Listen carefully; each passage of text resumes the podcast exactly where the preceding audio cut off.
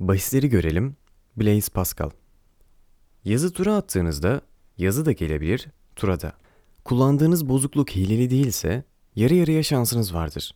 Bu yüzden hangi taraf üzerine bahsi girdiğiniz önemli değildir. Çünkü yazı gelme şansı tura gelme şansıyla aynıdır. Tanrı'nın var olup var olmadığından emin değilseniz bu durumda ne yapmalısınız? Bu durum yazı tura atmaya benzer mi? Bahsinizi Tanrı yoktur seçeneğine koyar, dilediğinizce yaşamaya mı bakardınız? Yoksa doğrulanması ihtimali uzak bile olsa Tanrı varmış gibi davranmak daha mı rasyonel olurdu? Tanrı'ya inanan Blaise Pascal bu soruları uzun uzun düşündü. Pascal dini bütün bir Katolikti.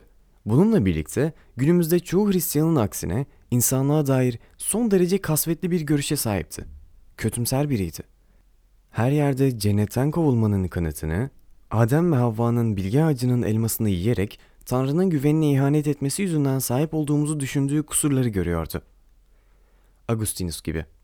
İnsanoğlunun cinsel isteğine yenik düştüğünü, güvenilmez ve çabucak sıkılabilir olduğunu düşünüyordu.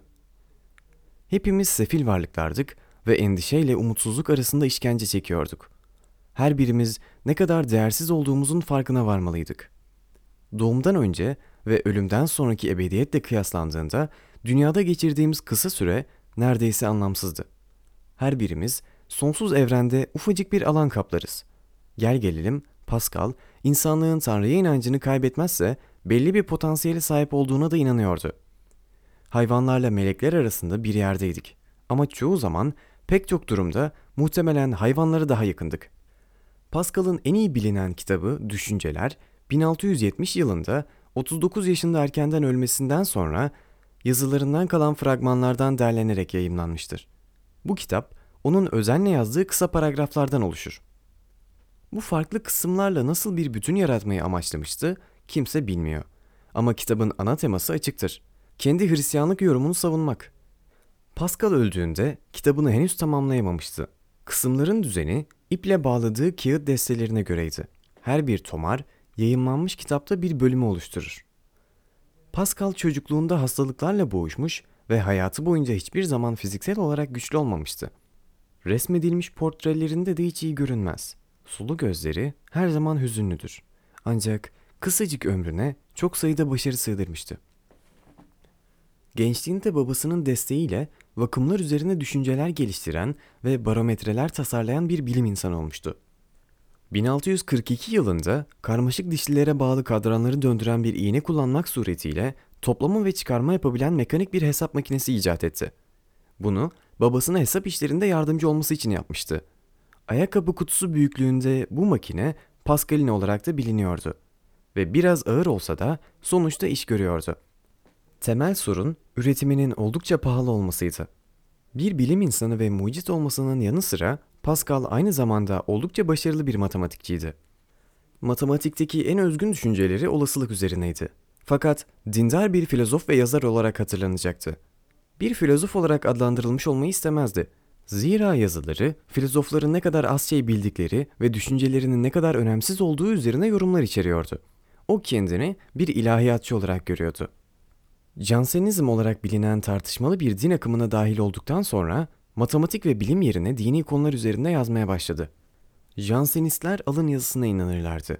Özgür irademizin olmadığını ve Tanrı tarafından önceden seçilmiş az sayıda kişinin cennete gidebileceğini söylerlerdi. Ayrıca çok katı bir hayatı benimserlerdi. Bir keresinde Pascal, kız kardeşini kendi çocuğuna sarıldığını gördüğünde azarlamıştı. Çünkü duyguların dışa vurulmasını onaylamazdı. Son yıllarını bir keşiş gibi yaşayarak geçirdi.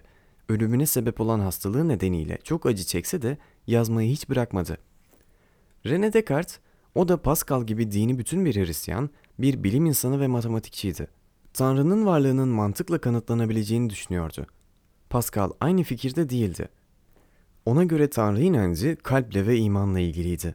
Filozofların genellikle Tanrı'nın varlığı konusunda kullandıkları akıl yürütmeler onu ikna etmiyordu. Söz gelimi Tanrı'nın elinin kanıtını duada görebileceğimize inanmıyordu.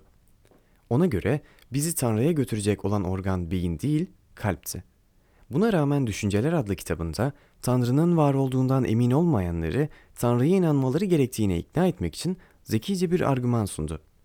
Bu argüman Pascal'ın bahsi olarak bilinir ve Pascal'ın olasılık konusunda duyduğu ilgiye dayanır. Rasyonel bir kumarbazsanız ve kumar sizin için sadece bir bağımlılık değilse, büyük bir ödül kazanmak için en iyi şansı sahip olmayı fakat bahse girdiğinizde kayıplarınızı da en alt seviyede tutmayı istersiniz. Kumarbazlar ihtimalleri hesaplar ve ona göre bahse girerler. Peki, bahis konusu Tanrı'nın varlığıysa bu söylenenler ne anlama gelir? Tanrı'nın varlığından emin olmadığınızı varsayalım. Karşınızda farklı seçenekler olabilir. Tanrı'nın kesinlikle var olmadığınızı düşünerek hayatınıza devam etmeyi seçebilirsiniz. Haklıysanız ölümden sonra bir yaşam olduğu kuruntusu olmadan yaşayacak, cennete gidemeyecek kadar günahkar olduğunuzu düşünüp azap çekmekten kurtulacaksınız. Üstelik zamanınızı olmayan bir varlık için kilisede dua ederek geçirmeniz de gerekmeyecek. Bu yaklaşımın belli bazı yararları olsa da büyük bir tehlikede taşır. Tanrı gerçekten varsa ve siz de ona inanmıyorsanız sadece cennete gitme şansınızı yitirmekle kalmaz, aynı zamanda sonsuza dek işkence çekeceğiniz cehenneme gidersiniz. Hayal edilebilecek en kötü sonuç. Alternatif olarak Pascal, hayatınızı Tanrı varmış gibi yaşamayı seçebilirsiniz der. Dua eder, kiliseye gidersiniz ve İncil okursunuz. Tanrı gerçekten varsa bu durumda olası en iyi ödülü kazanırsınız. Ebedi mutluluk için ciddi bir şans. Tanrı'ya inanmayı seçer de sonuçta yanılırsanız bu durumda çok önemli bir kaybınız olmaz.